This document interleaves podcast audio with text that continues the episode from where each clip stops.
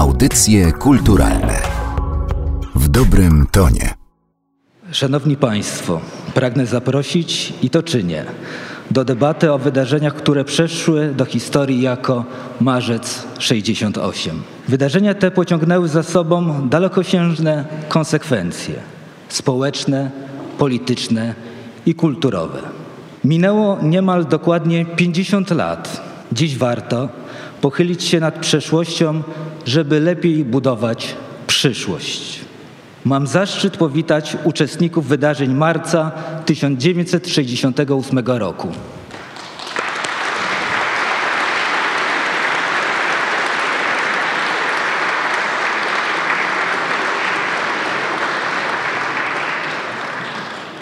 Witam prezesa Rady Ministrów, pana Mateusza Morawieckiego.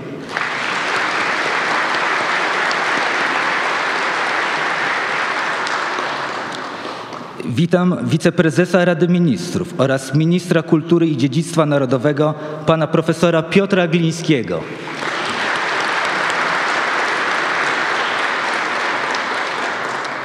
Witam wiceprezesa Rady Ministrów oraz ministra nauki i szkolnictwa wyższego pana Jarosława Gowina.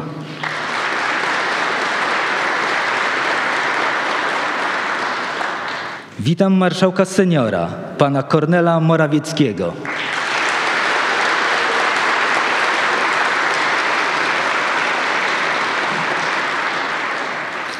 Witam przedstawicieli rządu i parlamentu.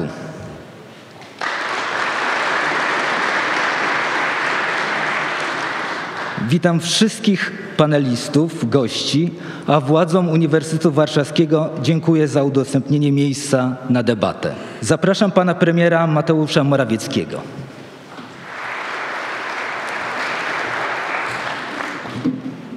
Szanowni panowie premierzy, państwo ministrowie, szanowni uczestnicy tamtych wydarzeń, przede wszystkim z tamtych czasów, z tego słynnego, pamiętnego marca 68, wszyscy szanowni państwo, panie rektorze i wszyscy państwo, którzy macie tamte dni w, swoich, w swoim sercu, w swojej pamięci.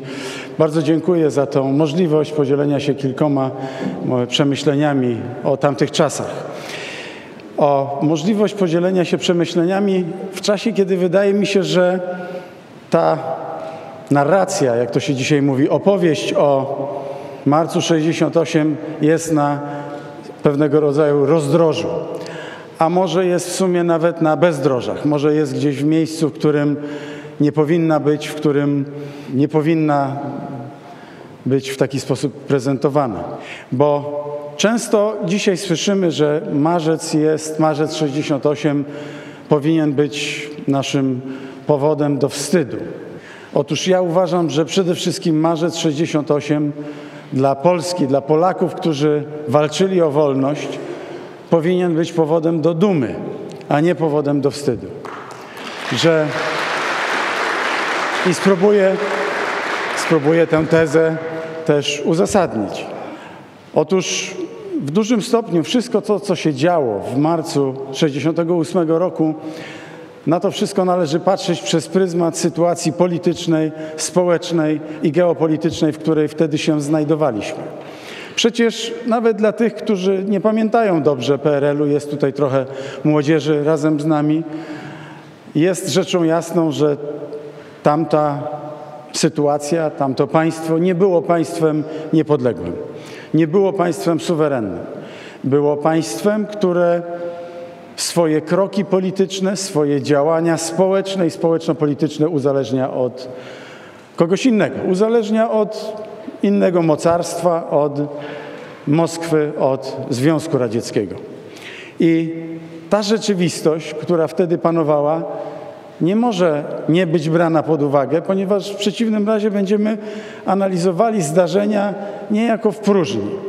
Będziemy mieli do czynienia wyłącznie z mitologią Marca 68, która to część tej mitologii Marca 68 jest piękna, słuszna i prawdziwa, ale część jest nieprawdziwa i niepiękna. A ta część niepiękna, która jest z kolei prawdziwa, do niej też się odniosę, ona nie ma nic wspólnego z wolnymi Polakami, z Polską, która pragnęła wolności i która o tę wolność walczyła. Walczyła również i zwłaszcza w marcu 68. A więc krótki rys ten geopolityczny, który nas do marca 68 doprowadził. Jako kraj poddany władzy sowieckiej byliśmy uzależnieni od polityki właśnie sowieckiej. A ta polityka, może żeby sięgnąć dosłownie jednym dłuższym zdaniem do roku, do początku tej władzy, czyli do roku 17, naznaczona była przez interesy Rosji sowieckiej.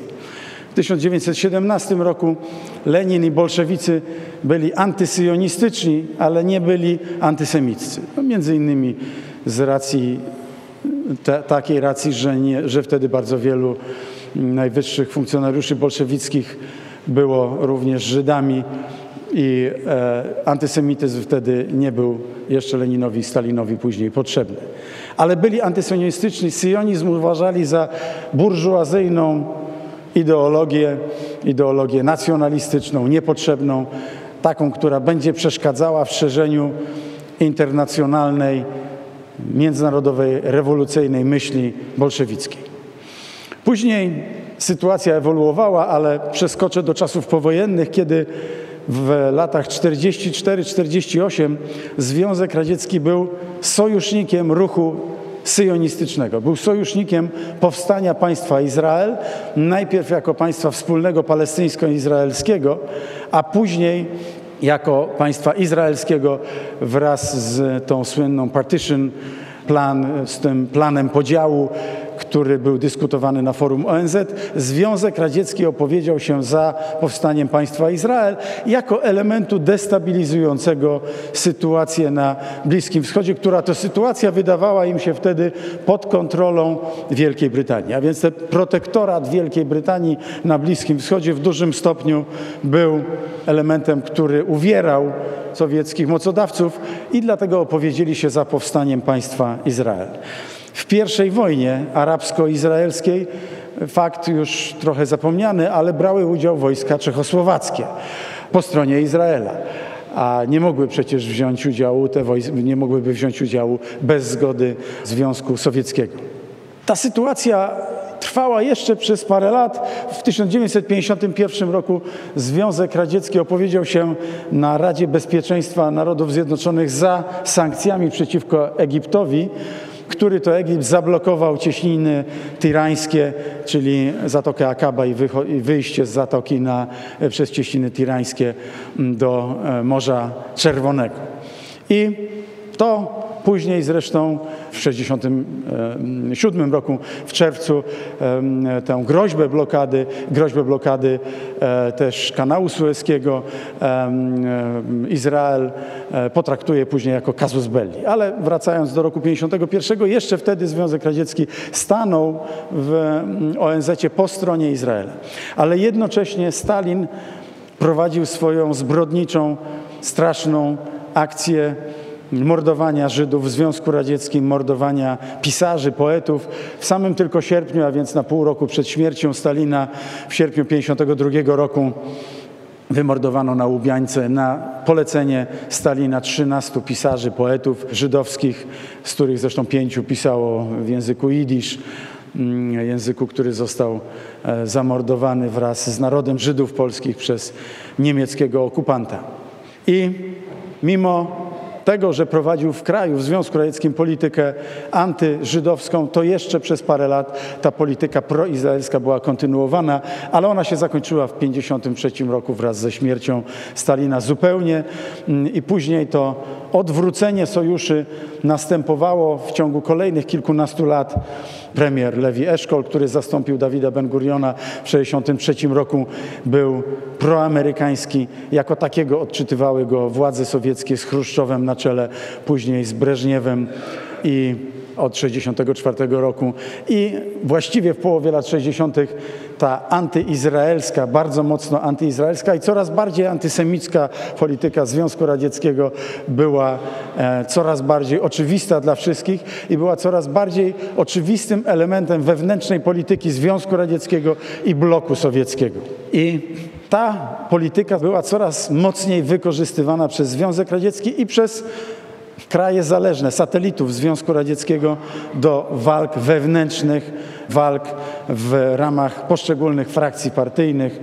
Tutaj mm, w Polsce te frakcje były nazywane Natolińska i, i Puławiańska, Puła, Puławianie i Natolińczycy i e, coraz mocniej Związek Radziecki opowiadał się za polityką antyżydowską, a apogeum tej zmiany, e, odwrócenia sojuszy, można powiedzieć, miało miejsce wiosną 67 roku i wtedy właściwie wszystko już było jasne, bo najpierw w Syrii, bodaj w 66 roku nastąpił zamach wojskowy, mocno antyizraelska polityka, później zbombardowanie bazy samolotów sowieckich w kwietniu 67 roku przez Izrael i następnie przewodniczący Rady Najwyższej Związku Radzieckiego Nikołaj Podgórny w maju 67 roku ostrzega Egipt i Syrię przed e, wojskami Izraela, jako, które jakoby się miały, co było prowokacją, tak wiele wskazuje na to, miały się koncentrować na odcinku syryjskim. Ale już jak powiedziałem wcześniej, zablokowanie cieśniny tirańskiej zostało potraktowane jako powód do zaatakowania. Izrael zaatakował 5 czerwca w 1967 roku i ta wojna sześciodniowa 10 zakończyła się zawieszeniem broni i wypowiedzeniem stosunków dyplomatycznych przez Związek Radziecki, a w ślad za tym właśnie również przez Polskę, która tym samym zademonstrowała swoje pełne, po raz kolejny oczywiście, swoje pełne podporządkowanie E, Związkowi e, Sowieckiemu.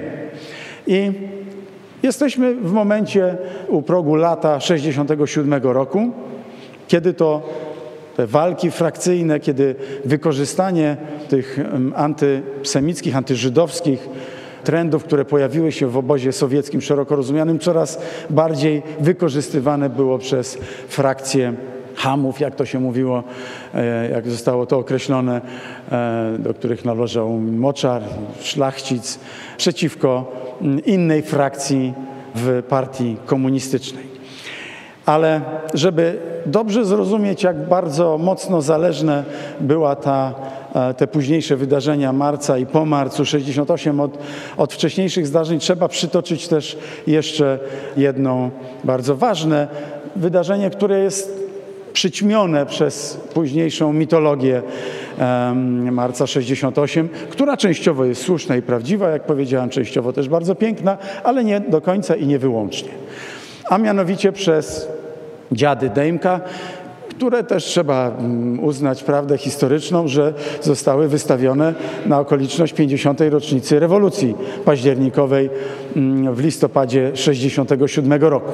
Ale znakomita kreacja Holubka doprowadziła do tego, że bardzo szybko zostały uznane e, owe dziady za sztukę antyrządową, antyreżimową, zdjęte 3 czy 4 stycznia ze sceny teatru i właśnie w obronie dziadów protestowali studenci, protestował Związek Literatów Polskich, którego zresztą ówczesny skład można powiedzieć, pozostawiał bardzo wiele do życzenia, bo jedy, raptem 14 lat wcześniej, 15-16 lat wcześniej, jak pięknie przedstawił to Jacek Trznadel w swojej hańbie domowej, tak mocno wspierali wówczas wielu z nich, oczywiście nie wszyscy, mm, ówczesną rzeczywistość stalinowską. No ale 29 lutego zachowali się bardzo przyzwoicie.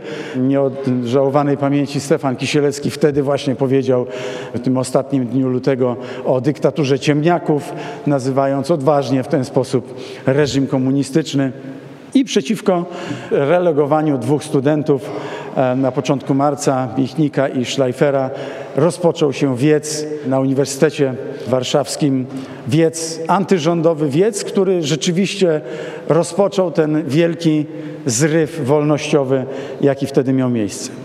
I ten zryw wolnościowy, który tak bardzo mocno wpisuje się w polski topos wolnościowy, w polską drogę do wolności, był przez wiele lat przedstawiany jako taki. Aczkolwiek równolegle z tym, tu otwieram drugi wątek, równolegle z tymi wydarzeniami wolnościowymi władza komunistyczna rozpoczęła nagonkę antysemicką, antyżydowską i antysyjonistyczną. Tutaj w tym momencie dziejowym zbiegły się ze sobą te dwa nurty, które wcale nie zawsze, jak pokazałem wcześniej, szły ze sobą w parze. Antysyjonizm i antysemickość. Wtedy odkurzone zostały protokoły mędrców Syjonów i inne paszkwile które były wykorzystywane właśnie przez władzę komunistyczną do walki z tym ruchem wolnościowym, ale przez pryzmat właśnie wypędzania wtedy ludzi pochodzenia żydowskiego, głównie osób pochodzenia żydowskiego. I jak wtedy do tego przełożenia doszło, to trzeba sobie uświadomić, a zwłaszcza młodsze pokolenie, bo ja akurat bardzo dobrze o tym wiem, że w tamtym czasie cenzura cenzurowała wszystko, również etykiety na mm, butelkach z wodą sodową, e, nalepki na wszystkich artykułach spożywczych, ogłoszenia pogrzebowe, ogłoszenia ślubne, wszystko było poddane cenzurze. Jak w związku z tym wyobrażacie sobie Państwo, że te transparenty, które się pojawiały, mogły pojawić się spontanicznie, mogły się pojawić ze względu, jak mówią osoby czasami niedoinformowane, a czasami takie, które chcą promować inną narrację, nie tę, którą ja tu prezentuję przed Państwem, że te transparenty i te napisy pochodziły jakoby od Polaków. Te transparenty, które pochodziły od Polaków, jak tam usiadłem, to uwierzę, że te, które tutaj widzicie Państwo, to pochodziły e, rzeczywiście od tych ludzi, którzy chcieli wolności, ale syjoniści do Syjonu czy do Syjamu to raczej niekoniecznie pochodziły od Polaków, którzy chcieli wolności, od polskiego społeczeństwa. A więc ta obca władza, która była reprezentantem obcego wielkiego mocarstwa, realizowała swój plan i wykorzystywała w ramach walk frakcyjnych antysemityzm, który się wtedy pojawił. I tutaj Poruszę jeszcze jedną strunę, która może zabrzmi trochę kontrowersyjnie, ale ponieważ ona pojawiła się w przestrzeni publicznej, to chcę do niej nawiązać. Otóż Muzeum Polin, które na wielu odcinkach frontu walki o świadomość, o prawdę historyczną robi bardzo dobrą robotę, przygotowało taką wystawę, która nazwana została tak dość przewrotnie, obcy w domu. Prawda? Że ci ludzie, którzy byli wypędzeni, wygnani wtedy, oni byli obcy w tym domu. Otóż ja chcę w tym krótkim tytule tej wystawy zakwestionować wszystko. I obcy, i w domu. Obcy to dlatego, że ci ludzie, nasi bracia i siostry pochodzenia żydowskiego, nie byli obcy. Byli w domu, byli swoi. Jak w wielu wspomnieniach pojawia się, oni byli czasami inni, byli postrzegani jako inni, ale byli swoi. I gdyby nie byli swoi, to nie mogliby być tutaj przez 800 lat w pokoju rozwijać, tworzyć, pracować, handlować na polskiej ziemi. A więc oni nie byli obcy. To byli swoi ludzie, to byli nasi obywatele, nasi obywatele, którzy cudownie i ze wsparciem Polaków, bo nie można było bez wsparcia Polaków przetrwać II wojny światowej. Dzisiaj może taka dygresja mała, odwiedził mnie reporter Frankfurter Allgemeine Zeitung i opowiedział mi o swojej książce o wsi Borowa. Powiedział mi, że napisał książkę o pacyfikacji wsi Borowa na Lubelszczyźnie. I mówi, wie pan co, e, do mnie, tam pojawiło się sporo relacji Polaków, którzy mówili o tym, że Niemcy, kilka relacji Polaków, które mówiły o tym, że Niemcy pomagali uratować tę wieś przed pacyfikacją przez Niemców. No czyli dobrzy Niemcy.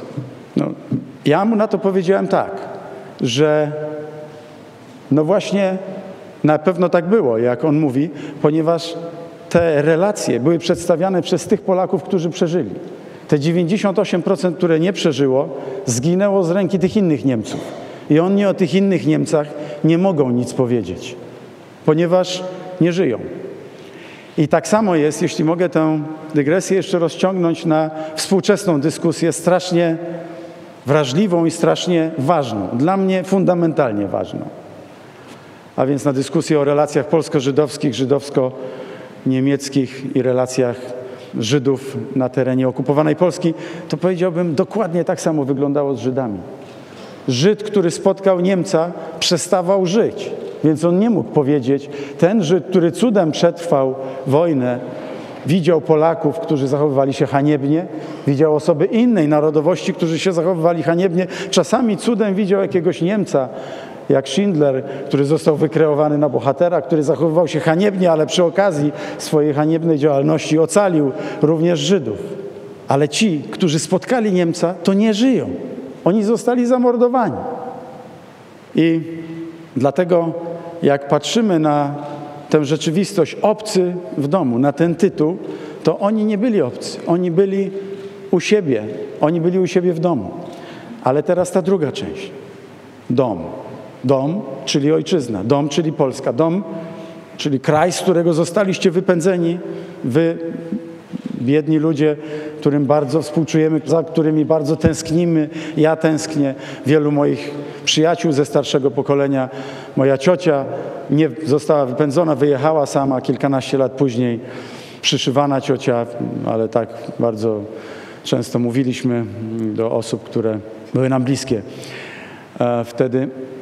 I PRL, co w pierwszej części mojej wypowiedzi starałem się udowodnić, nie był domem w rozumieniu suwerennego kraju, suwerennej ojczyzny.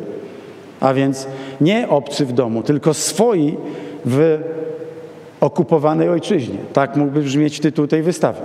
Ja wiem, co autorzy chcieli zapewne wyrazić, ale pozwolę sobie swoją interpretację tamtego czasu poprzez ten tytuł też wyrazić. I również jeszcze o tych strasznych wypędzeniach, które miały wtedy miejsce, pokazać je, przedstawić je w trochę innym kontekście, a mianowicie w kontekście innych wypędzeń.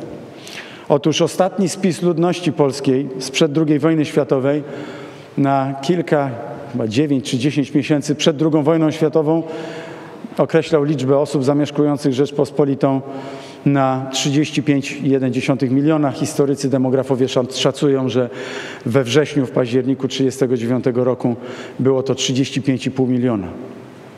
Pierwszy spis powojenny to 24 miliony. Jeszcze w międzyczasie jacyś ludzie się urodzili. Mój ojciec się urodził w czasie II wojny światowej, a więc około 12-13 milionów zostało wymordowanych lub wypędzonych z naszego kraju, z naszej ojczyzny w czasie II wojny światowej, po II wojnie światowej i oczywiście też w tym strasznym, zbrodniczym akcie wypędzenia naszych współbraci żydowskich, osób żydowskiego pochodzenia po marcu 1968 roku. A więc ta mitologia marca stoi w pewnej opozycji do historii marca. Narracje tworzone są przez dziesiątki lat, przez tysiące opowiadań wydrukowanych, sztuk teatralnych, filmów już dzisiaj. I oczywiście walka z utrwalonym mitem jest walką Don Kiszota z wiatrakami. Ale podejmuję tę rękawicę, dlatego że dla mnie fundamentalnie ważna jest walka o prawdę historyczną i ja wierzę, że ona tak wyglądała. Ona mi została też tak przedstawiona już od moich najmłodszych lat. Ten reżim komunistyczny wypędzał Polaków. Wypędził też 20 lat później mojego ojca, Andrzeja Kołodzieja, który tutaj też jest z nami w 1988 roku. To była metoda, wypędzić właśnie ludzi z kraju, którzy z jakichś powodów albo przeszkadzają, albo służy to jakimś innym celom władzy komunistycznej. Również w takim świetle przedstawiała mi osobiście to Natalia Gorbaniewska, zmarła niedawno poetka, pisarka rosyjska, która odwiedzała mnie w moim domu tutaj w Warszawie i opowiadała mi o czasach przed 68 rokiem. To ona w tym słynnym sierpniu 68 roku z siedmioma innymi osobami protestowała przeciwko najazdowi wojsk Układu Warszawskiego razem z wojskami PRL-owskimi, komunistycznymi na Czechosłowację, na, na Pragę. Przy czym jako ciekawostka, Rumunia nie zerwała stosunków dyplomatycznych z Izraelem i nie wysłała swoich wojsk do Pragi, a więc nasz reżim był wtedy maksymalnie podporządkowany tym e, swoim mocodawcom z, e, w sowieckim e, w tamtym czasie. I jak tak patrzymy na tamtą rzeczywistość, to ważne jest, żeby też wiedzieć, że nie wolno przedstawiać tych, tych wydarzeń wyłącznie jako wydarzenia wolnościowe, bo to, co potem nastąpiło, miało miejsce i ta retoryka, straszna retoryka Gomułki, Moczara i innych komunistów, Jaruzelskiego, może Jaruzelski mniej mówił, ale więcej robił, za co też pozbawiliśmy Moczara, Jaruzelskiego i ich generalskich epoletów, teraz dopiero, po tylu latach,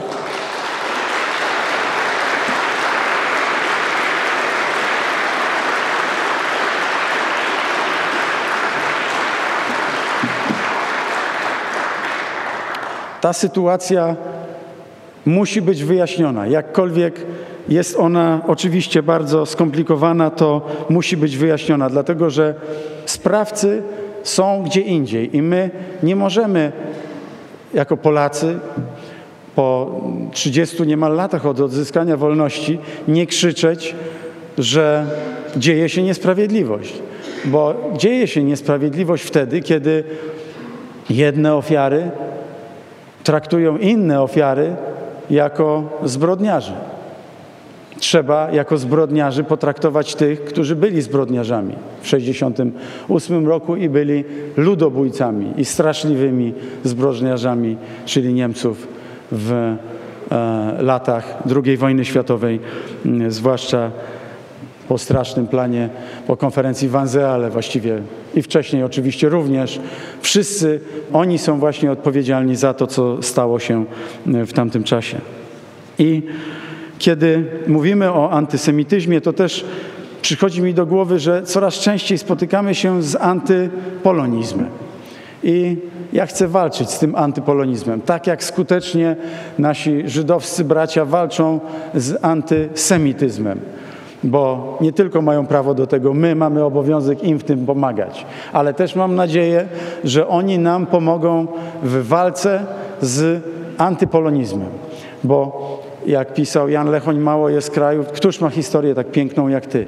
Mało jest krajów, które, państw, które mają tak piękną historię, które przez 250-300 ostatnich lat zrobiły tak niewiele krzywdy, a tak wiele dobrego światu wyrządziły, uratowały świat wielokrotnie, trzykrotnie co najmniej, tylko w XX wieku przed jeszcze straszliwszym złem, przed straszliwym złem w XX roku, w czasie II wojny światowej, w 1939 i w czasach Solidarności.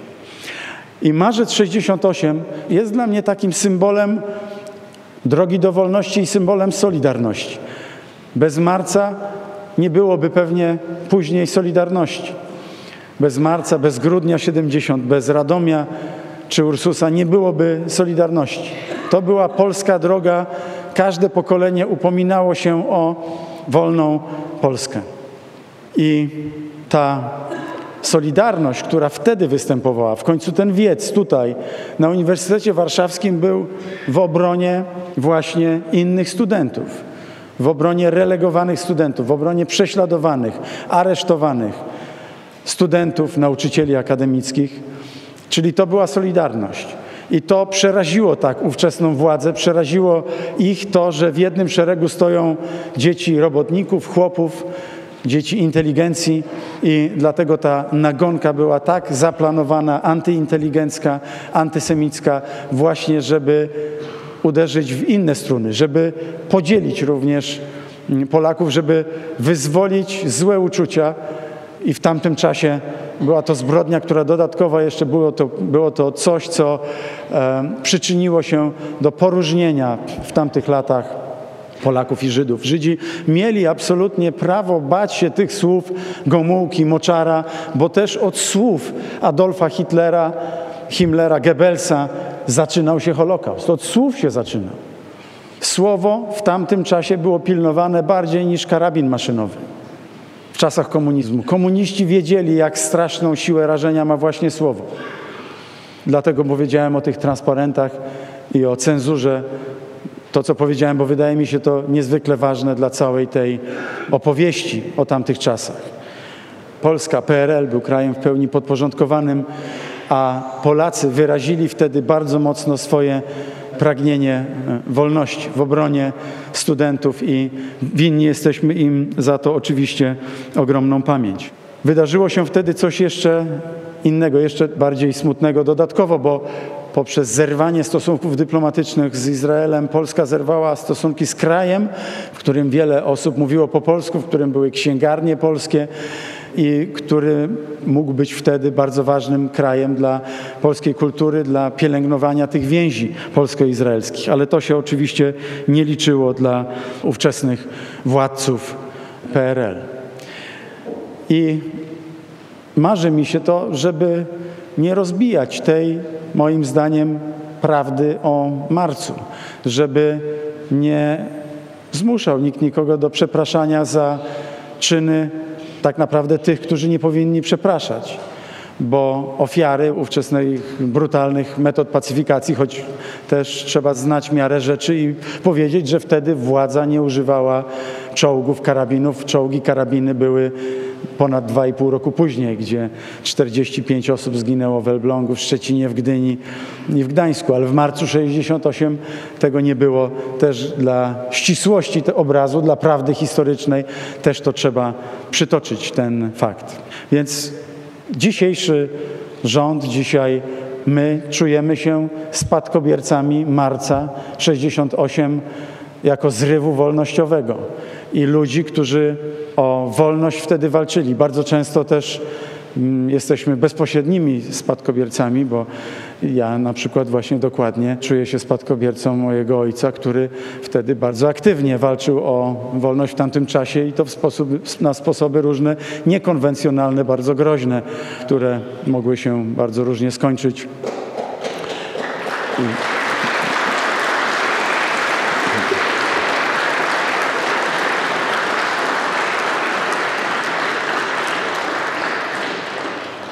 I chciałbym tą krótką moją interpretację mitologii marca, historii marca i próbę pojednania tej mitologii, która narosła z historią marca, próbę ich scalenia ze sobą, zakończyć tymi słowami Jacka Kaczmarskiego o ognisku z daleka. No są zresztą słowa z piosenki o marcu 68.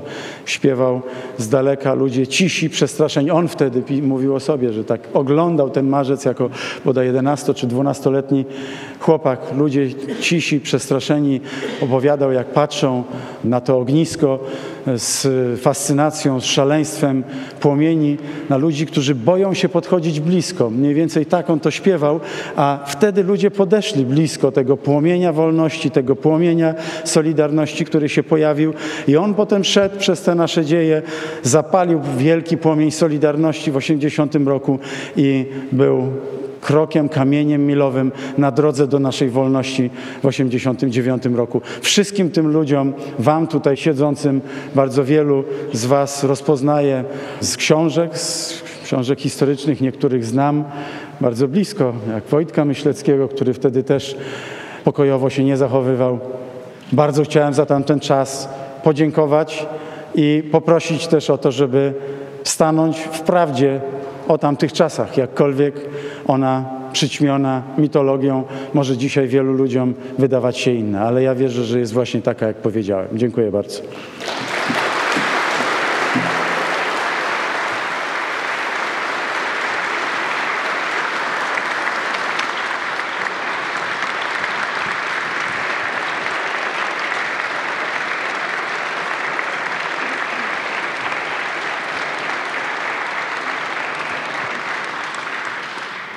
Bardzo dziękujemy panie premierze. Przed nami debata. Zastanowimy się nad istotą i fenomenem wydarzeń, które przeszły do historii jako marzec 68. Począwszy od sprzeciwu wobec cenzury, przez studenckie protesty, skończywszy na antysemickiej nagonce. Będziemy patrzyli na te wydarzenia nie tylko przez pryzmat Warszawy, a jednocześnie dodamy do tych wydarzeń tło międzynarodowe. Będziemy zastanawiali się, jakie były skutki, dalekosiężne skutki tych wydarzeń, zarówno te bezpośrednie, jak i te sięgające dalej w naszą historię i nasze dzieje. Szanowni Państwo, W tej dyskusji, w tej debacie uczestniczyć będą znakomici paneliści. Przede wszystkim prezes Instytutu na Rzecz Demokracji w Europie Wschodniej, bohaterka wydarzeń marcowych, pani Irena Lasota.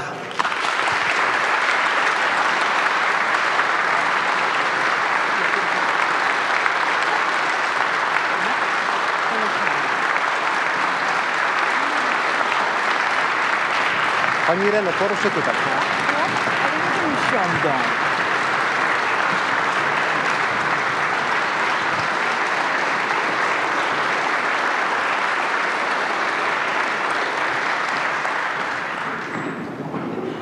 Dyrektor oddziału Instytutu Pamięci Narodowej w Warszawie, pan profesor Jerzy Eisler.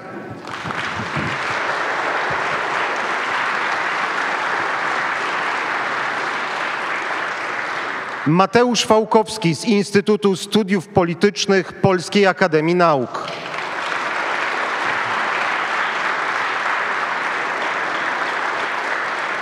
Doktor habilitowany Dariusz Gawin, Instytut Filozofii i Socjologii Polskiej Akademii Nauk oraz zastępca dyrektora Muzeum Powstania Warszawskiego.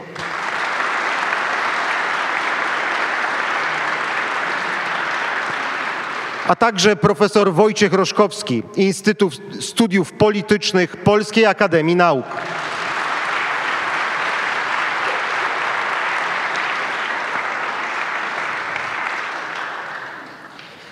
Szanowni Państwo, chciałbym, żebyśmy sięgnęli na początek pamięcią nawet nie tyle do marca 68, ale do marca 1981 kilka miesięcy po podpisaniu porozumień sierpniowych, a kilka miesięcy przed wprowadzeniem stanu wojennego.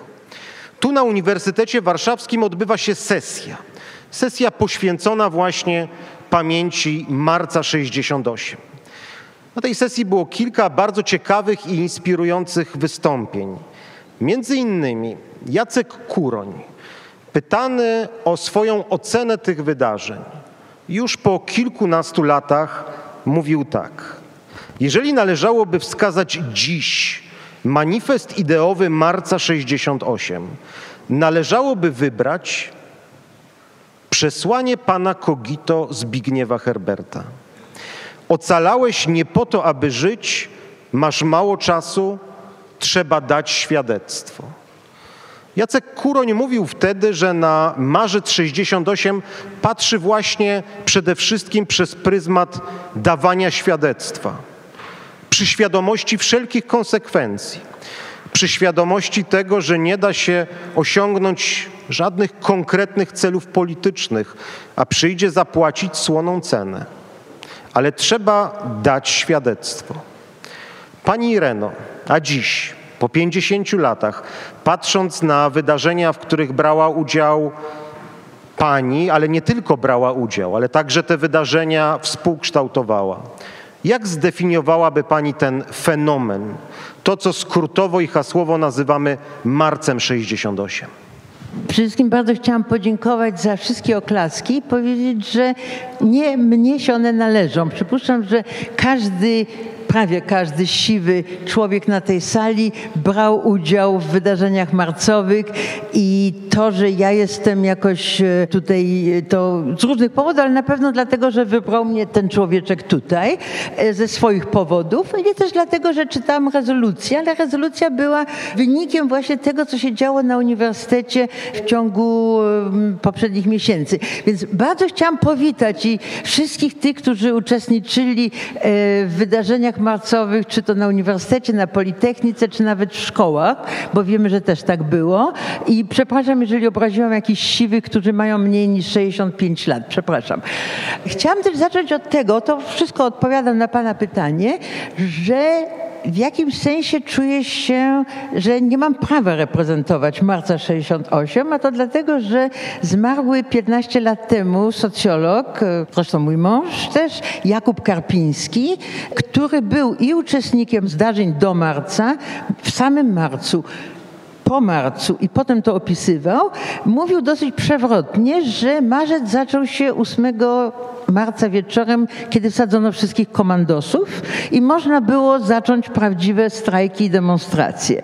Więc muszę powiedzieć, że ja się czuję w tej sali, no właśnie, że ja tu nie należę, bo mnie aresztowano wieczorem 8, po tym, kiedy byłam na dziedzińcu, byłam w Pałacu Kazimierzowskim, ale to, co się naprawdę stało, to był y, wielo, dwutygodniowy strajk studentów o ile pamiętam, o ile wiem, e, który zbierał się tutaj w audytorium Maksimum i tu powstawały główne teksty, których jeżeli człowiek prześledzi, to widać taką ewolucję, że na początku jest tylko Solidarność, potem jest Prasa Kłamie, potem jest właściwie odrzucanie obecnej władzy i potem już jest taka solidarność ogólnopolska. I tutaj właśnie powiedzieć, że tak sobie żartowałam z profesorem Eislerem przedtem, że ja tu jestem na tej sali meteorem, przyszłam i wyszłam, ale to jest prawdziwa gwiazda marca 68, ponieważ profesor Eisler jest autorem naprawdę wielkiej monografii pod tytułem Polski rok 68 i zaczyna ten rok 68 moim zdaniem w 37 roku, czy coś w tym rodzaju.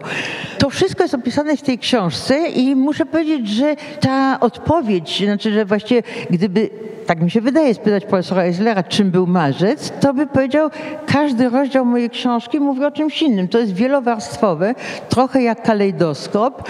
E, natomiast e, to, co moim zdaniem e, też o czym mówił pan premier, to, że to był początek pewnego dalszego procesu. To oczywiście nie był proces, który się zaczął sam z siebie, ponieważ przedtem był i październik, ale też było e, coś, co no, takie inne grupy zwracały uwagę przedtem, właśnie przed marcem, że 66 rok, milenium Polski było bardzo ważne i że to była pierwsza taka wielka kampania propagandowa, którą władze zrobiły. Natomiast ludzie zaczęli wiedzieć, że mogą być w grupach, że to nie jest, y, nie jest się indywiduum i że w grupie się ma mocniejszą władzę. I tutaj ja myślę, że to, czego zawsze brakuje w opowieściach o marcu, to jest to, że brało w nim udział fizycznie, y, aktywnie kilkadziesiąt tysięcy osób, a do tego jeszcze było wsparcie osób, nie wiem, jak można ich policzyć, mianowicie nawet na zdjęciach z Politechniki Warszawskiej, która jest na strajku, jest w takiej otwartej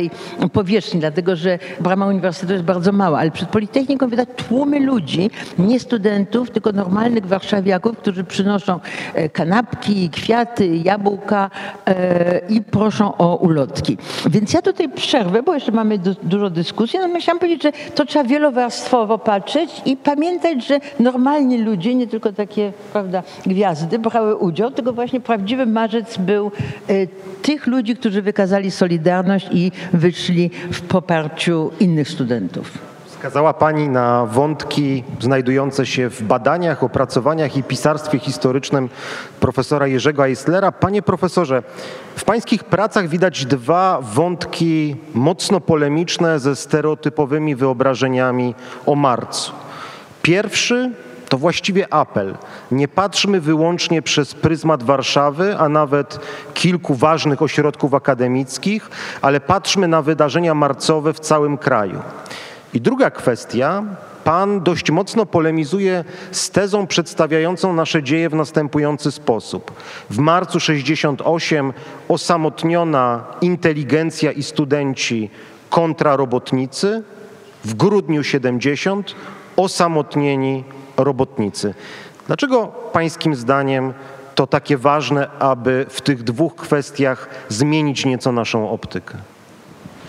Ja też chciałem najpierw podziękować za zaproszenie i dodatkowo chciałem podziękować Irenie Lasocie nie tylko za dobre, miłe słowa, ale też za pomoc, jaką przy pisaniu tej książki mi okazywała była jednym z nielicznych czytelników chyba całości i poprawiała, nanosiła różne uwagi, dzieliła się tym ze mną, przy czym wspomniany Jakub Karpiński miał taki styl pracy niedopowiedziany, aluzyjny, to znaczy kiedyś mi napisał, że nic nie słyszał o tym, żeby w komitecie strajkowym byli Marcin Król, już nie pamiętam kto jeszcze, Jadwiga Staniszki, dziękuję.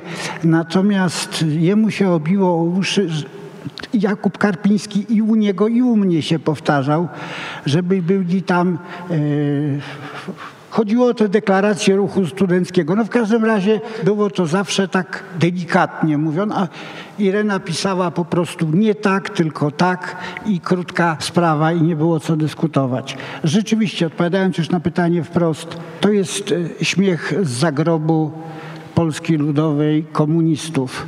Jak pięknie łyknęliśmy jako naród, społeczeństwo strukturę klasową. Klasa jest najważniejsza, klasa polityczna. Patrzę po sali i wszyscy, którzy wtedy chodzili do szkół, a prawdopodobnie zdecydowana większość chodziła wtedy do szkół, uczyła się o klasie robotniczej, chłopach i inteligencji pracującej. Już dawno nie ma PRL, a my ciągle tym klasowym kluczem że najpierw inteligencja, a robotnicy nie, a potem robotnicy, a inteligencja nie, a potem w 76 robotnicy i inteligencja ich poparła, a w 80 wszyscy trzymaliśmy się szczęśliwie za rączki i robiliśmy kółko grania, tworząc Solidarność. Piękne, ale nieprawdziwe i marzec 68 i grudzień 70 to właściwie jeden bunt tego samego pokolenia. Pierwszego pokolenia urodzonego i wychowanego w Polsce Ludowej. I jak Gomułka tym ludziom mówił, że on miał przed wojną dwie koszule, a oni teraz mają po cztery, to oni się śmiali, niezależnie od tego, ile tych koszul naprawdę w domu mieli. Po prostu posługiwanie się biedą Polski z lat 30 biedą, którą znał i rozumiał Gomułka, no i starsze pokolenia oczywiście wraz z nim. Dwudziestolatkowie tego nie rozumieli. Dla nich punktem odniesienia jakimś były kraje zachodnie, znane z filmów, z dynamicznie rozwijającej się w latach 60. telewizji, która nigdy już potem, mm, do kamer to powiem, nie była tak edukacyjna jak właśnie wtedy. Kiedyś znalazłem w archiwum telewizji 45 minut. Jeden człowiek mówi do kamery, pali papierosy, tu jest sterta, taka popielniczka pełna papierosów. Kto to jest? Leszek Kołakowski w 65 roku w Uniwersytecie dla Nauczycieli. Nikt by tego dzisiaj nie puścił. 45 minut jeden człowiek mówi, ale jaki? Jak on to mówi tym nauczycielom o filozofii? Otóż to wszystko powodowało, że ci młodzi ludzie z filmów, z telewizji, z opowiadań tych, którzy jeździli na zachód, rybacy, sportowcy, artyści, trochę zamożnych ludzi, badylarze, nie badylarze, z Orbisem do Francji czy do Włoch, ten obraz Polski w oczach Polaków Zachodu był no, lepszy niż na to zasługiwał. No ale jak się oglądało film dokumentalny, w którym amerykański bezrobotny chodził we Wranglerach czy w Lewisach, które tu były przedmiotem pożądania, a tam były najtańszym nakryciem ubrania, no to, to ci ludzie mówili Gomułce dość. I oczywiście nie sprowadzam tego tylko do tego, bo był i drugi element miałkość życia, szarość, burość życia, ale także życia umysłowego. Jeżeli zdejmuje się ze sceny Teatru Narodowego dramat narodowego wieszcza, ogłasza się to zawczasu, to przecież to jest dla młodej inteligencji wręcz zaproszenie. Przyjdźcie, zaprotestujcie, a my się już dalej tym zajmiemy. A ten wymiar ogólnopolski, panie profesorze, bardzo często powtarzaliśmy, że to jest taka biała, niezbadana plama, że to jest coś, czego bardzo nam brakuje w badaniach nad Marcem. Pan czy Piotr Osenka próbują tę plamę wypełnić, ale wciąż wiemy jeszcze za mało? To nie, w tej chwili już jest dużo więcej. W tej chwili tak na poczekaniu wymieniam, mamy monografię Marca w Trójmieście, w Poznaniu, na Śląsku, na Dolnym Śląsku w Krakowie i jeszcze w kilku innych miastach. Kiedy ja pisałem tę książkę, jeszcze tych prac o poszczególnych miastach nie było. One są głównie oparte na materiałach Instytutu Pamięci Narodowej, czyli materiałach służb specjalnych, ale nie tylko. I pokazują właśnie siłę, skalę tego protestu tam. No na przykład mało kto pamięta, bo w Warszawie tego nie było, ale w Katowicach milicja obywatelska do pacyfikowania na rynku głównym manifestacji młodzieży użyła psów to był szok, ponieważ moje pokolenie pamięta w telewizji, w dzienniku telewizyjnym psy z południa Stanów Zjednoczonych, kiedy pokazywano marsze czarnej ludności, albo jak czarne dzieci szły do szkoły pod ochroną uzbrojonej Gwardii Narodowej, a obok przyjaciele czarnych z Ku Klanu serdecznie im machali i właśnie policja miała takie ogromne psy. W Polsce policja, milicja nie chodziła z psami. W Katowicach w marcu 68 roku szczuto je przeciwko ludziom, użyto ich do rozpędzania demonstracji. Więc dużo więcej wiemy. Wiemy także o miastach, w których wtedy szkół wyższych nie było, a w których były uliczne demonstracje na kilka tysięcy osób. Bielsko-Biała, Legnica, gdzie był wielki radziecki garnizon i dowództwo północnej grupy wojsk Armii Radzieckiej, e, Radom, Tarnów. I w takich miastach nieakademickich też 2-3 tysiące ludzi na ulicy przez kilka godzin walczy z milicją obywatelską. No więc musi być pytanie, kto to jest. Uczniowie szkół ponadpodstawowych i robotnicy z jednym dodatkiem, młodzi, poniżej 30 lat życia.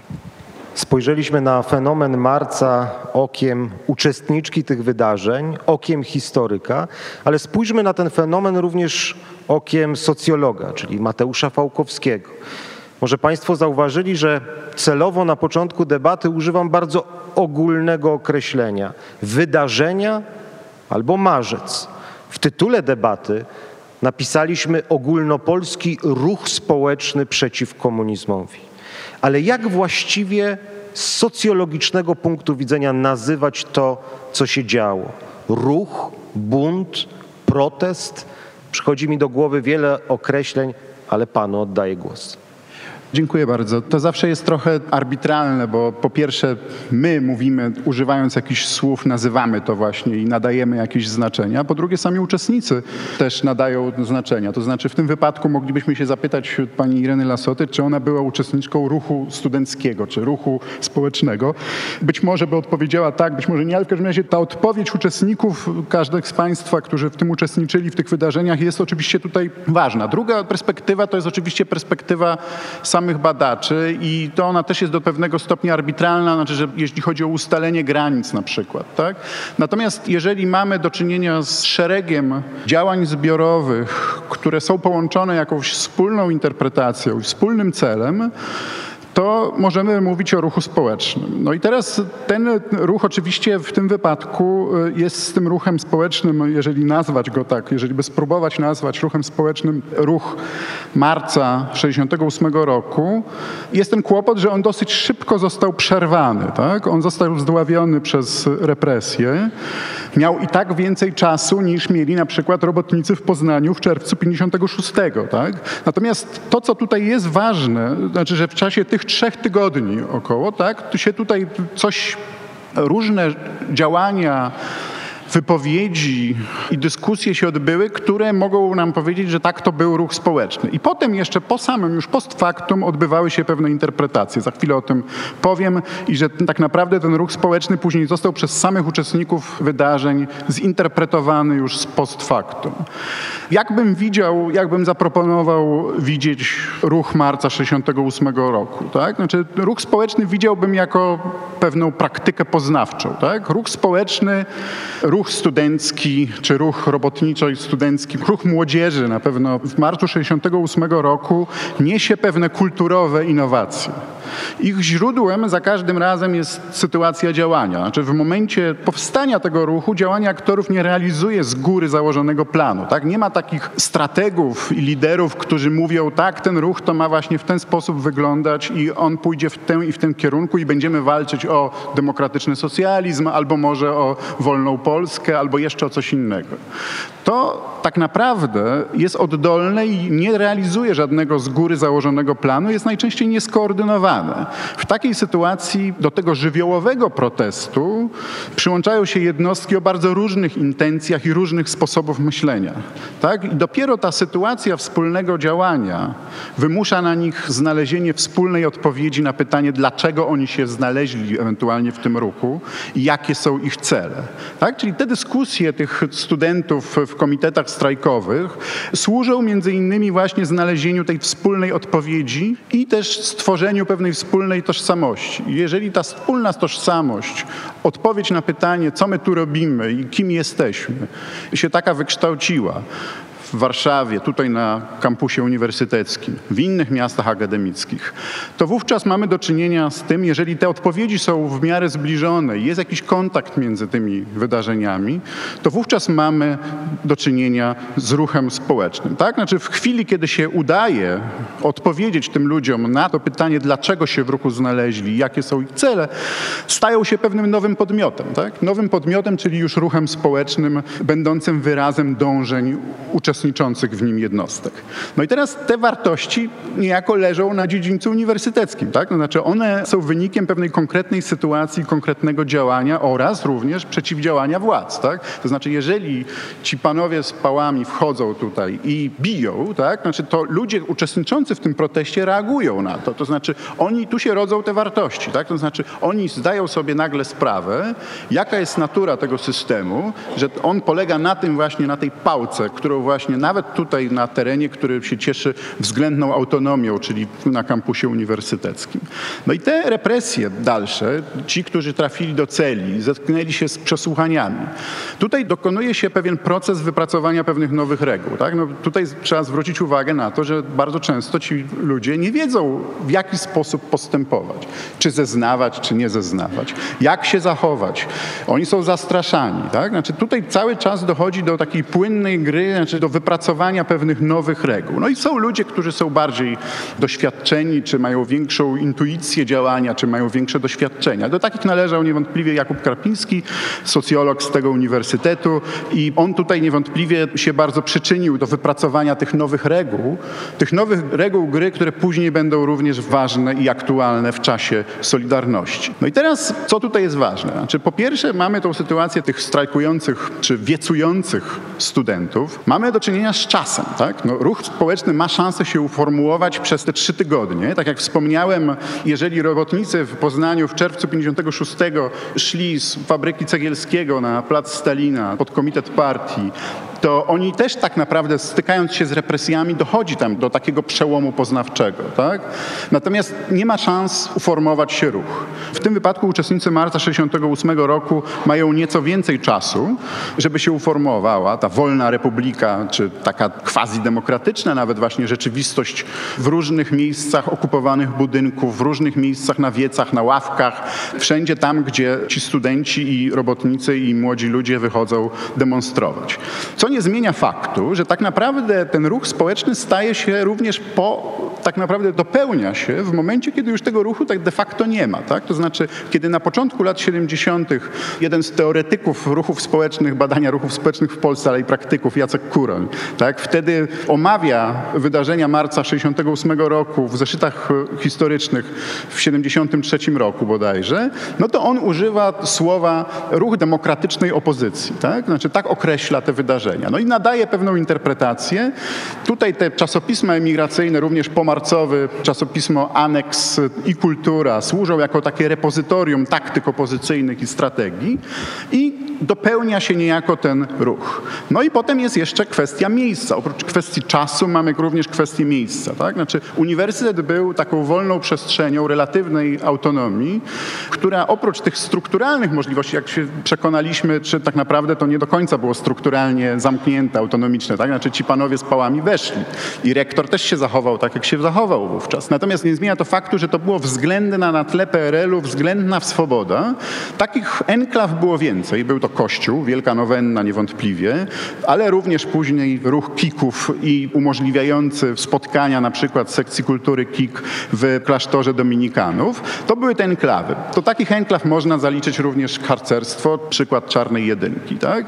No i tutaj teraz w tych enklawach, ponieważ te enklawy oprócz tych strukturalnych cech dostarczają pewnego idiomu kulturowego. Uniwersytet z zasadą dyskusji, debaty, również oddolnego możliwości zabrania głosu, tak, umożliwił taką sytuację. To znaczy dostarczył takiego kulturowego idiomu, który pozwolił pani Irenie Lasocie stanąć na tej ławce i odczytać tą rezolucję, pozwolił się konstytuować tym komitetom strajkowym i dyskutować, a również nawet krytykować od dołu przez radykalnych studentów właśnie krytykować same komitety strajkowe. Tak?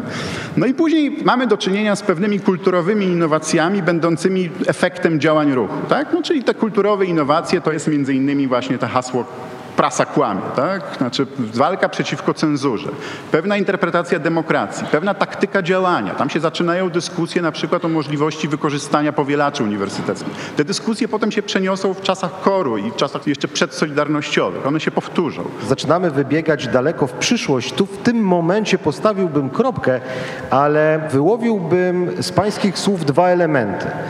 Przełom poznawczy, czyli nagle rozumiem, orientuję się, jaka jest rzeczywistość, potrafię ją ocenić i wyciągnąć z tego wnioski, a jednocześnie ta interpretacja post factum wydarzeń, w których się brało udział, nadawanie im znaczenia, wyciąganie z tego wniosków.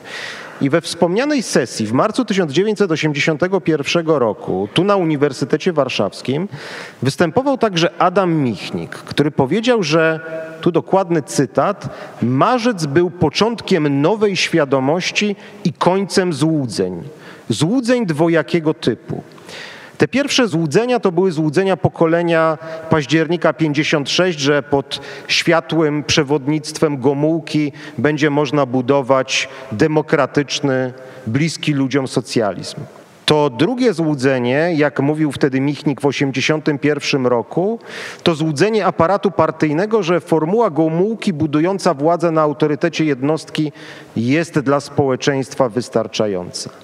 Podsumowując to wystąpienie, padły słowa: Skończyła się mała stabilizacja, a zaczęła się mała apokalipsa.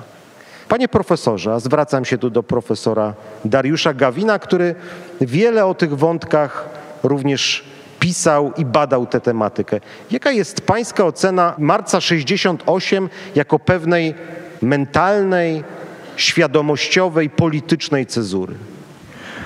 Szanowni Państwo, ja także chciałem podziękować za zaproszenie. To jest o tyle tym większy zaszczyt, że jesteśmy w miejscu wyjątkowym, bo jesteśmy w Audimaxie, jak to się mówi na Uniwersytecie, w Audytorium Maximum, czyli w miejscu, przez które Łacińskie przysłowie mówi spiritus flatubi vult, duch tchnie kędy chce i czasami tchnie przez różne miejsca. Wtedy duch historii Polski tchnął właśnie tutaj. To tutaj były wiece marca 68, tutaj śpiewano i hymn polski, międzynarodówkę i uchwalano wszystkie rezolucje i tutaj działy się najważniejsze rzeczy. Bo są miejsca, które ogniskują historię wspólnoty. W 56 roku to była Politechnika Warszawska, chociaż uniwersytet też był zaangażowany. W 81 roku to była Stocznia Gdańska. Historia Polski w 1968 roku przede wszystkim, pomimo tego oczywiście, co mówił profesor Reisler, działa się w dziesiątkach innych miejsc w Polsce, ale zaczęła się tutaj. Tutaj miała najbardziej dramatyczny przebieg i tutaj ludzie, którzy tu byli zaangażowani w głównej mierze przyczynili się do przemyślenia sensu tego, co się stało.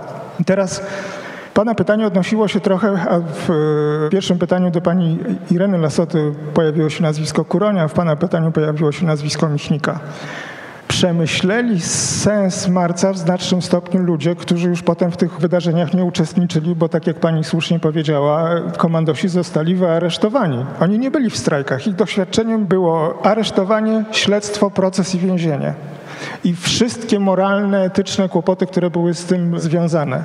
Komandosów było kilkudziesięciu de facto, tych najważniejszych, z tym, że wielu ludzi, którzy tworzyli to środowisko, potem i do dzisiaj tworzą polską historię. Dziesiątki tysięcy ludzi, którzy uczestniczyli w tych wydarzeniach, potem nie działali już w takiej sferze, że nie proponowali ideologicznych e, interpretacji tego, co się wydarzyło w kolejnych latach, zresztą trochę je zmieniając. Więc odpowiadając na to pytanie, po pierwsze musimy pamiętać o tych dwóch płaszczyznach, że w tych pana pytaniach pojawiły się nazwiska związane ze środowiskiem komandosów i z tymi, którzy byli iskrą, która padła na tą Warszawę roku 68, a z drugiej strony mówimy o marcu jako o wielkim ruchu, co jest w tytule naszego spotkania i coś, co obejmuje całą Warszawę i cały kraj, całe pokolenie tamtego czasu. Żeby się nie rozwlekać, bo można mówić o tym bardzo długo, komandosi zrobili marzec nie dlatego, że walczyli z komunizmem i nie dlatego, że walczyli z komunistyczną Polską, tylko dlatego, że uważali, że ona prawdziwie komunistyczna nie jest. Wywodzili się z rewizjonizmu, wywodzili się z czerwonego harcerstwa, jak Adam Michnik. Oczywiście, ja wiem pani Ireno, że były trzy grupy, że była grupa Michnika, Deichgewanda, Schleifera i tak dalej. To są wszystko skróty. Mówimy o tej, która była związana przede wszystkim z Kuroniem i z Michnikiem, oni padli w tym pytaniu.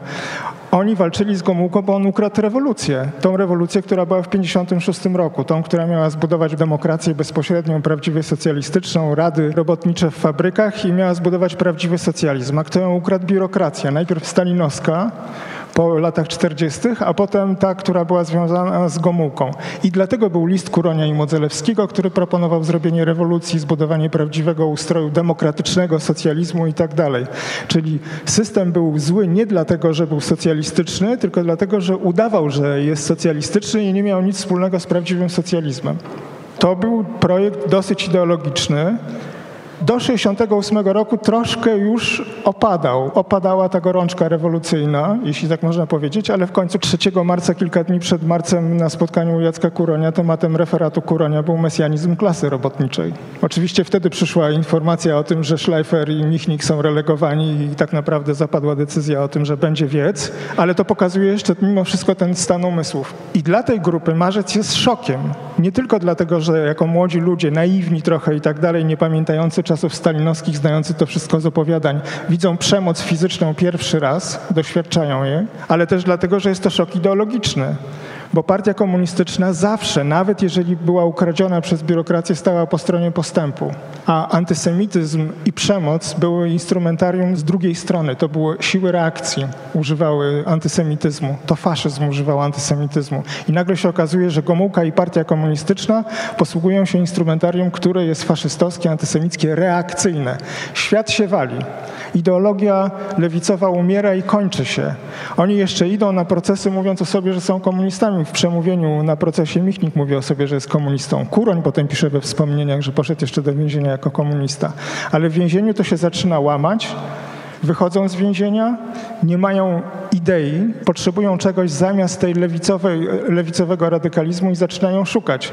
I tu się spotykają z Herbertem, tu się spotykają z Klubem Inteligencji Katolickiej Warszawskim, ze środowiskiem więzi, z Cywińskim, z Mazowieckim i z tymi ludźmi, których można spotkać u Dominikanów na Freta. To jest osobna historia, z tego rodzi się ta myśl, która wchodzi w opozycję demokratyczną i oni potem piszą o tym książki, budują narracje, o których mówił pan premier Morawiecki, to wszystko bierze się z szoku marca ideologicznego, że wchodzą w marzec jako ludzie lewicy, dostają od partii komunistycznej pałką po głowie są atakowani metodami, które uważają za faszystowskie i reakcyjne, muszą porzucić lewicowość. Michnik też mówił wtedy przecież o tym, że to wtedy pękła pępowina, która łączyła ich z partią, dopiero wtedy. Szukają czegoś nowego, zwracają się w stronę chrześcijaństwa. Znamy tę historię, wiemy też dzisiaj, że to było pełne wzajemnych nieporozumień, ale dawało siłę w czasach pierwszej Solidarności. Nieporozumienia przyszły potem w wolnej Polsce.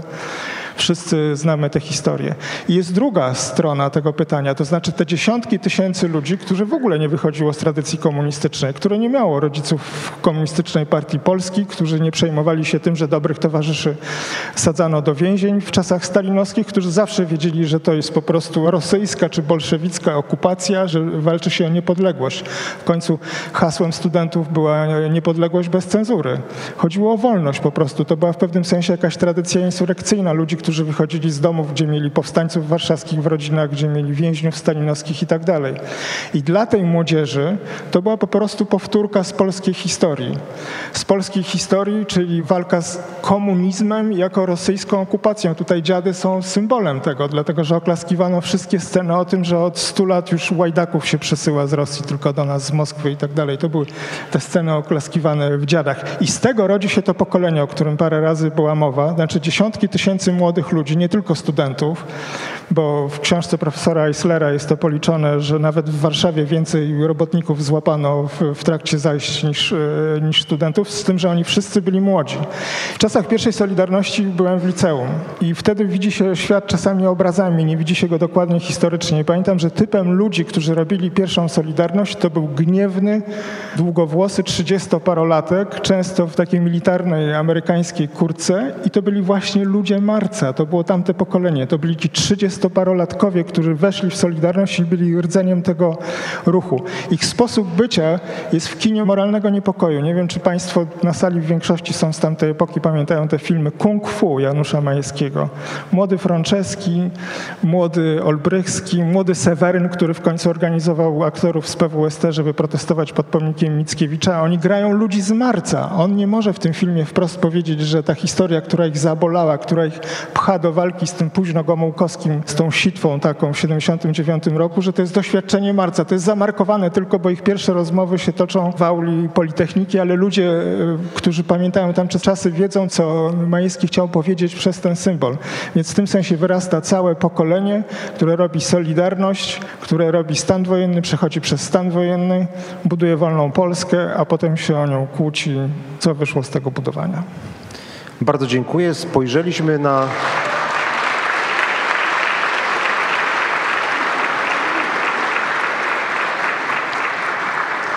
Spojrzeliśmy, a nawet wzięliśmy pod lupę czy pod mikroskop różne aspekty marca 68, ale brakuje nam jeszcze, panie profesorze, tu oczywiście zwracam się do profesora Wojciecha Roszkowskiego, brakuje nam jeszcze tego szerszego tła, kontekstu międzynarodowego.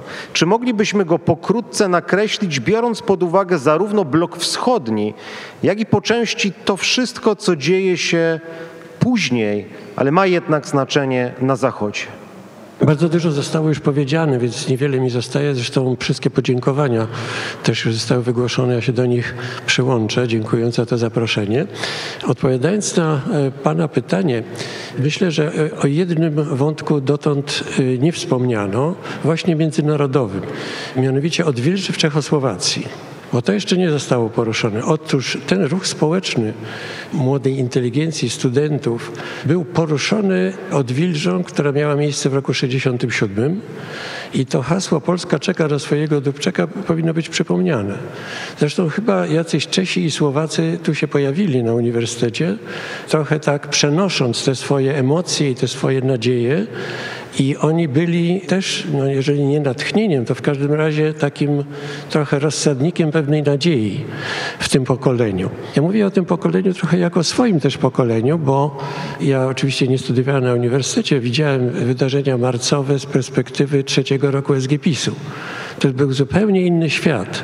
I na to chciałem zwrócić uwagę, że jeżeli mówimy o marcu, to tak jak pan premier do tego nawiązał, ja bym tutaj wyraźnie uporządkował pewne wątki tych wydarzeń, które z jednej strony się przeplatają, ale jednak trzeba je rozróżnić, żeby uniknąć takich uogólnień, które, tak jak pan premier słusznie powiedział, mogą nas zaprowadzić na manowce, y, jeśli chodzi o prawdę historyczną, ale również na manowce wizerunku Polski.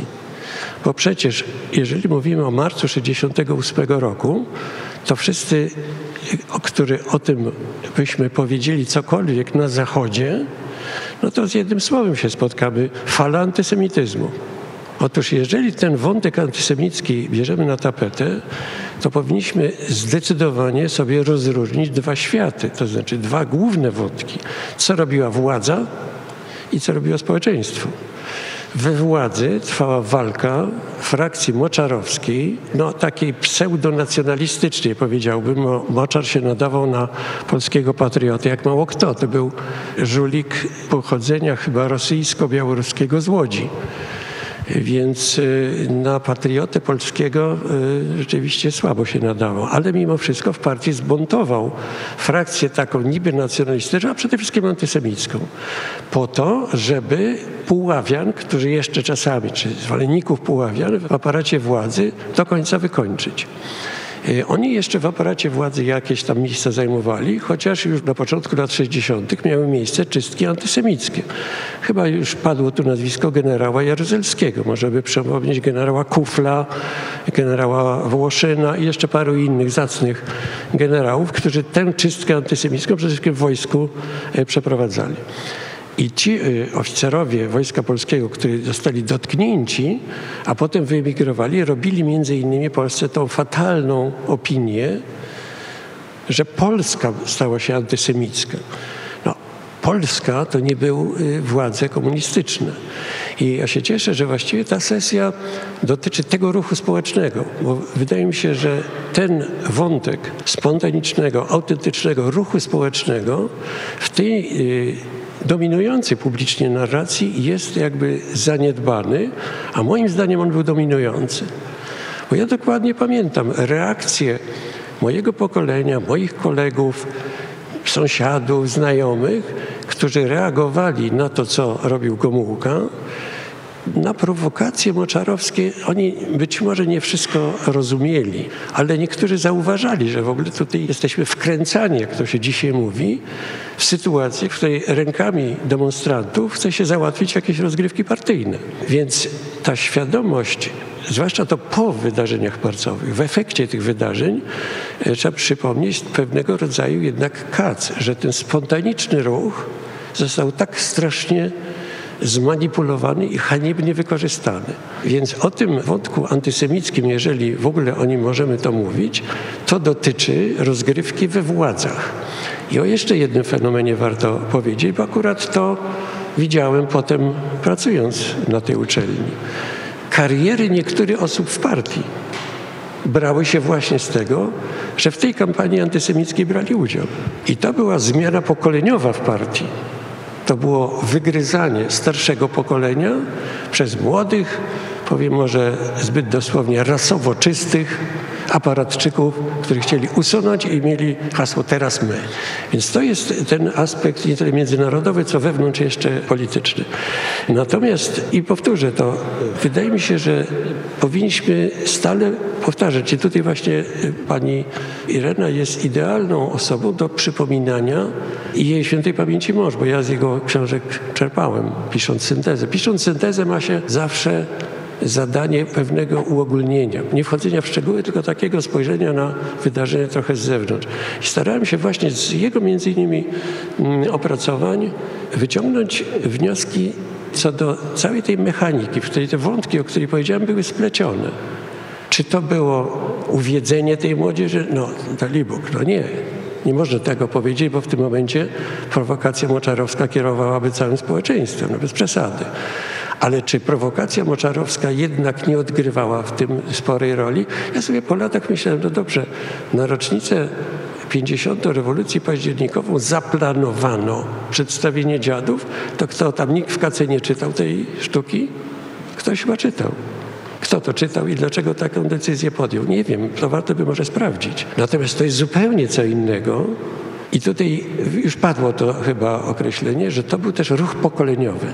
Myśmy byli pokoleniem urodzonym po wojnie, plus minus 2, 3, 5 lat po wojnie. Myśmy potworności stalinizmu znali co najwyżej z opowieści rodziców. Natomiast na własnej skórze no, każde pokolenie próbuje, że tak powiem, przećwiczyć na ile może, zwłaszcza w tak horrendalnych warunkach. I tutaj jeszcze jeden wątek, który warto poruszyć. Sytuacja gospodarcza, społeczna od połowy 60. lat. Stagnacja gospodarcza, coraz trudniejsza sytuacja materialna i perspektywy ludzi kończących studia. Marne. Wchodzenie w tą małą stabilizację po to, żeby zarabiać te 1000-1200 zł ówczesnych i co? I zapisać się do partii? Jakiej partii? Partii Gomułki, Moczara? No przecież potworne towarzystwo. Więc sytuacja gospodarcza i jeszcze jeden też to zostało przypomniane i to pani Irena powiedziała, obchody milenijne.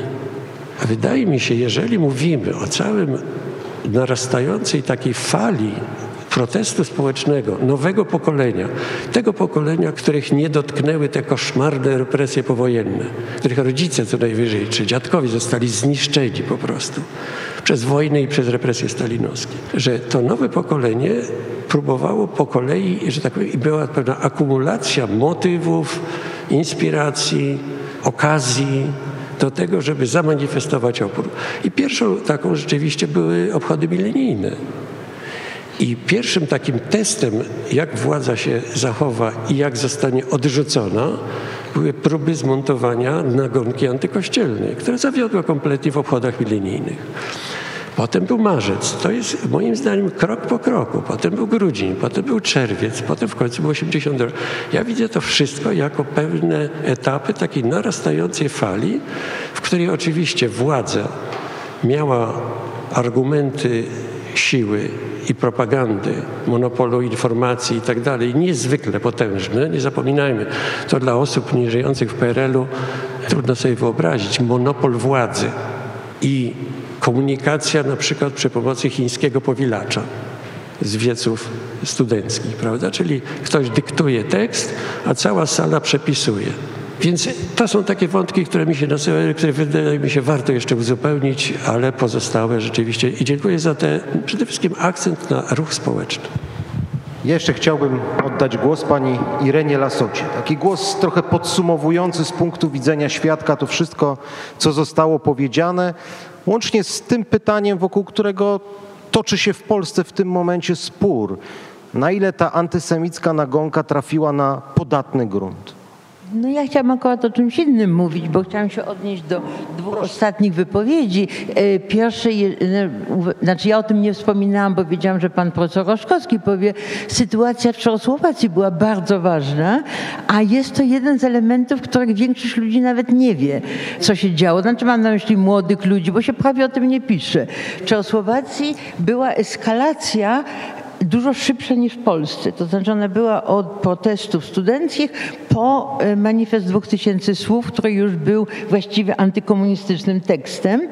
I tutaj można powiedzieć, że Czesi, Czechosłowacy, jeżeli tak i Czesi i Słowacy prawdopodobnie uratowali nas wszystkich, dlatego że początek kampanii marcowej wyglądał na to, że będą wielkie procesy, że będą dużo większe czystki i gdzieś to wszystko zaczyna wygaszać w kwietniu. E, moim zdaniem wtedy, kiedy zapada decyzja w Moskwie, żeby jednak ukrócić tą Czechosłowację. I znowu tu jest takie coś, że ja wyjechałam w 70 roku i dużo bardziej w dyskusjach o przyszłości Europy, o przyszłości świata decydowało to, że generał Jaruzelski pociągnął wojska do Czechosłowacji razem z wojskami Paktu Warszawskiego, na przykład Rumunia nie.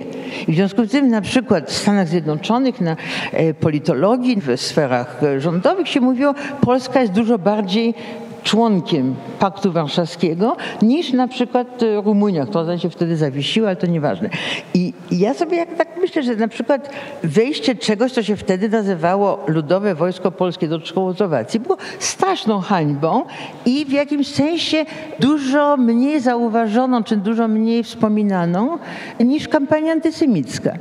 A drugi to jest do pana profesora w sprawie życie nie jest takie proste, jak nam się wydaje. To znaczy, to nie było w ten sposób, że była garstka dzieci komunistów, którzy e, bardzo chcieli naprawiać socjalizm. Bo kiedy te dzieci komunistów i naprawiaczy socjalizmu wsadzono, to tutaj właśnie przez dwa tygodnie odbywało się pisanie ulotek i Jakub Karpiński, żadne dziecko komunistyczne, uchodził za tego, który redagował ulotki. Ludzie do niego przychodzili, on coś redagował. I on mówił, w większości wyrzucał zdanie, nie jesteśmy przeciw socjalizmowi albo jesteśmy za socjalizmem.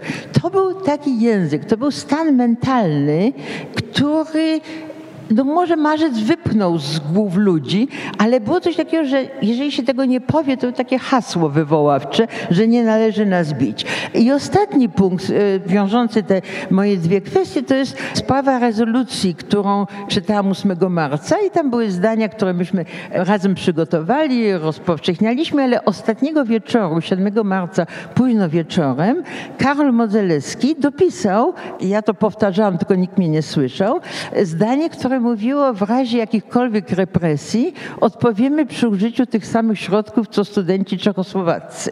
Więc pewnie to dzisiaj brzmi śmiesznie, bo oni odpowiedzieli dużo silniej niż my, ale ta Czechosłowacja była bardzo obecna i właśnie to, że tam odchodzono tak szybko od komunizmu, od socjalizmu, od demokracji ludowej, bardzo się nam podobało.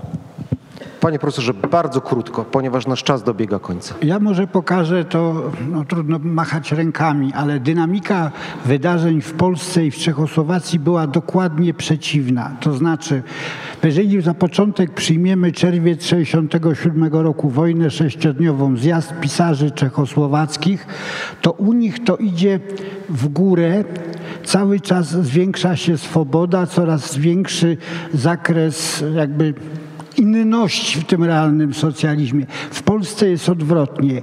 Kiedy w marcu Leszek Kołakowski zostaje wyrzucony z tego uniwersytetu, to jest oczywiste, że otrzymuje kilka propozycji pracy na zachodnich uniwersytetach. Ale naprawdę wzruszająca jest propozycja, która w kwietniu przychodzi z Pragi, z Uniwersytetu Karola, że bylibyśmy dumni i zaszczyceni, gdyby kolega Kołakowski zechciał chciał u nas na uniwersytecie pracować. I ostatnie zdanie. Czechosłowacja, jakby to strasznie nie brzmiało, uratowała Władysława Gomułkę. Marzec bardzo rozchwiał, pokazał, że jest wielu chętnych, wielu ambitnych, że to obok rewolucji dwudziestolatków, tych na ulicach i w murach uczelni, mamy rewolucję czterdziestolatków w gmachach ministerstw, w centralnych urzędach, w komitecie centralnym, którzy chcą iść do góry, a tu jest petryfikacja układu. Jak się nie zakręci karuzelą sztucznie, to nikt nie pospada z tych krzesełek i nie będzie można ruchu kadrowego zrobić. Bardzo dziękuję. Szanowni Państwo, o zabranie głosu proszę wiceprezesa Rady Ministrów oraz ministra nauki i szkolnictwa wyższego, pana Jarosława Gowina.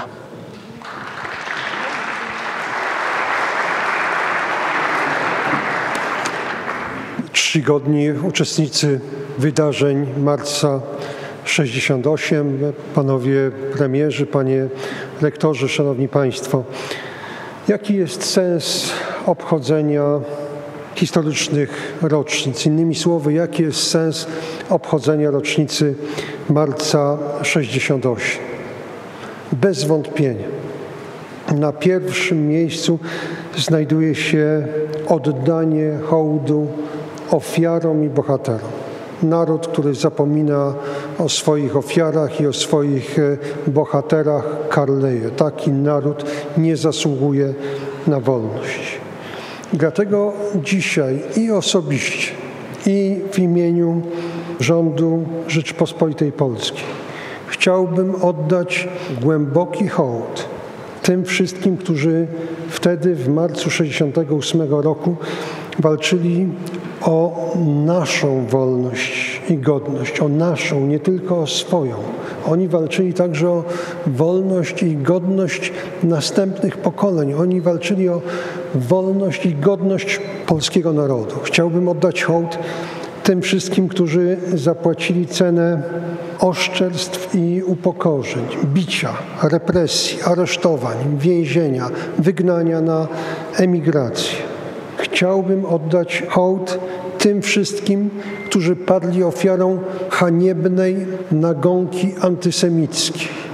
Jako minister nauki i szkolnictwa wyższego muszę powiedzieć, że marzec 68 to był wielki cios w polską naukę na skutek czystek antysemickich z polskich uczelni, z polskich instytutów naukowych wyrzucono setki wybitnych naukowców, którzy potem swoje badania mm, naukowe prowadzili na najlepszych uniwersytetach całego świata. Ale trzeba też pamiętać o innych, o tych, ktoś może powie, nielicznych, ale jednak im bardziej nieliczni, tym bardziej trzeba ich pamięć przywoływać o tych wszystkich profesorach, którzy wystąpili w obronie swoich studentów. Oni też ponieśli ogromną cenę. Byli wyrzucani z pracy już nie w ramach czystek antysemickich, byli wyrzucani z pracy dlatego, że mieli odwagę ująć się za swoimi wychowankami Tutaj parokrotnie przywoływano nazwisko profesora Kołakowskiego, którego władze komunistyczne zmusiły do emigracji. Można przywołać inne nazwiska. Pani profesor Barbary Skargi, którą odsunięto do 1989 roku od możliwości prowadzenia zajęć ze studentami i wielu, wielu innych wybitnych uczonych.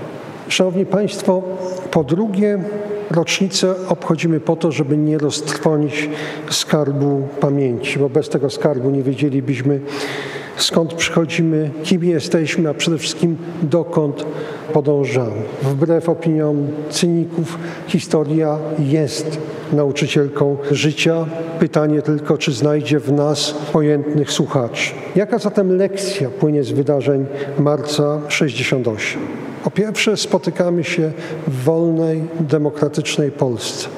Dobro, prawda zwyciężyły nad złem i kłamstwem. Tak, no, droga była długa, pełna wyrzeczeń, pełna ofiar. I gdy niemal 50 lat temu tutaj na Uniwersytecie Warszawskim bito bezbronnych studentów, to mogło się wydawać, że to zło, że komunizm zatriumfuje na zawsze.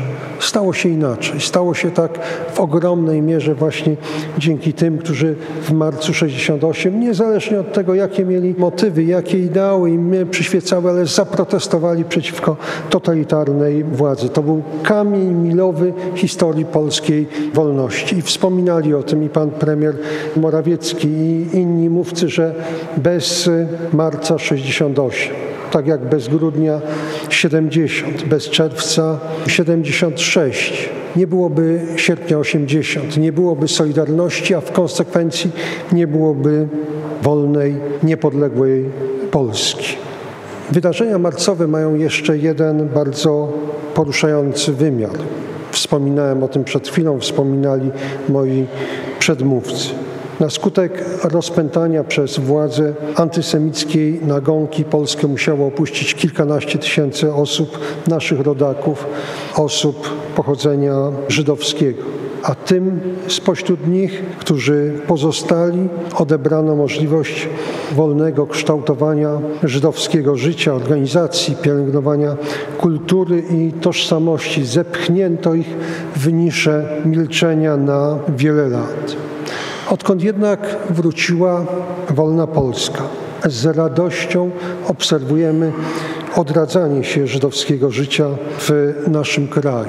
I chcę powiedzieć w imieniu swoim, ale także w imieniu naszego rządu, że bardzo się z tego cieszymy, że bardzo wspieramy działania państwa Izrael, że bardzo nam zależy na tym, żeby stosunki polsko-żydowskie, ta niezwykła historia braterstwa dwóch narodów, które trwało setki lat, żeby to wszystko było kontynuowane.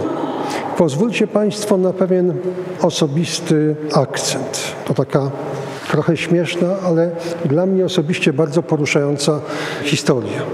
Jesienią 2010 roku zaangażowałem się w kampanię jednego z kandydatów na prezydenta Krakowa i któregoś dnia, to była niedziela, sztab wyborczy wyznaczył mi mój rewir. Miałem rozdawać ulotki na krakowskim Kazimierzu. Wszyscy wiemy, czym był Kazimierz przez stulecia. To była ta dzielnica Krakowa, gdzie rozwijała się ta tajemnicza cywilizacja krakowskich Żydów, ta cywilizacja, w której szewc był filozofem, a woziwoda mistykiem. Ta cywilizacja została brutalnie zamordowana przez e, Niemców. Pozostały ślady materialne, bo Kraków materialnie ocalał, ale zniknęli ci ludzie, zniknęła ich kultura. Wydawałoby się, że bezpowrotnie. I jeżeli ktoś z Państwa ma za sobą taki trening w rozdawaniu ulotek, to wie, że wtedy liczą się trzy rzeczy.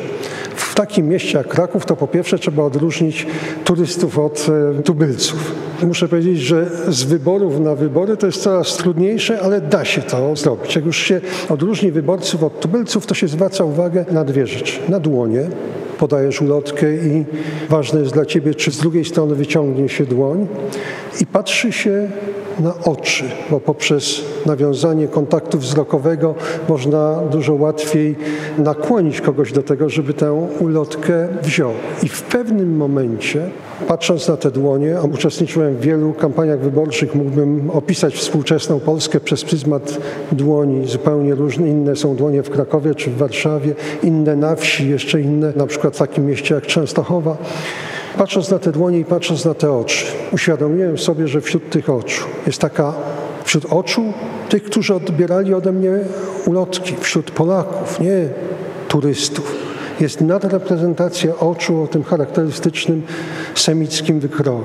I muszę Państwu powiedzieć, że to był moment taki metafizyczny dla mnie, że ja sobie wtedy uświadomiłem coś, co zawsze będzie mi towarzyszyć. Uświadomiłem sobie, że ta cywilizacja żydowska na krakowskim Kazimierzu zaczyna się odradzać, że ci ludzie znowu zaczynają tam przyjeżdżać czasami z najróżniejszych zakątków świata. I to jest coś niewiarygodnie pięknego, bo to oznacza, że życie jest silniejsze od nienawiści, że życie jest silniejsze od ideologii. I myślę, że podobna lekcja płynie z doświadczeń marca 68. Wolność, dobro okazały się silniejsze od zła, nienawiści, fanatyzmu. I za to wszystko chciałbym jeszcze raz bardzo serdecznie podziękować wszystkim uczestnikom marcowych wydarzeń. Dziękuję bardzo.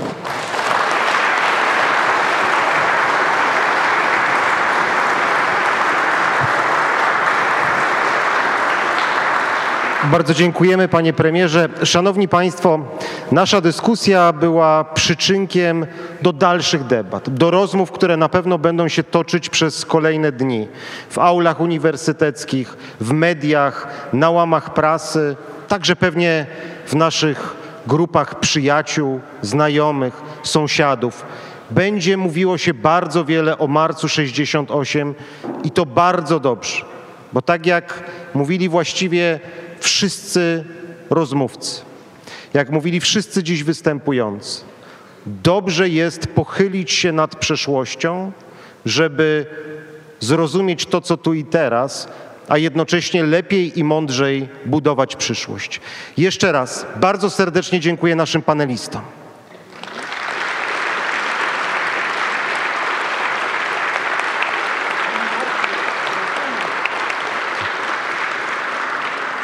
Dziękuję wszystkim Państwu, że zaszczyciliście nas obecnością na tej debacie.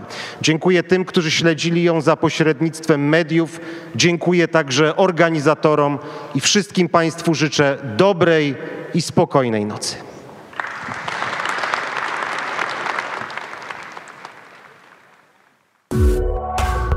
Audycje kulturalne w dobrym tonie.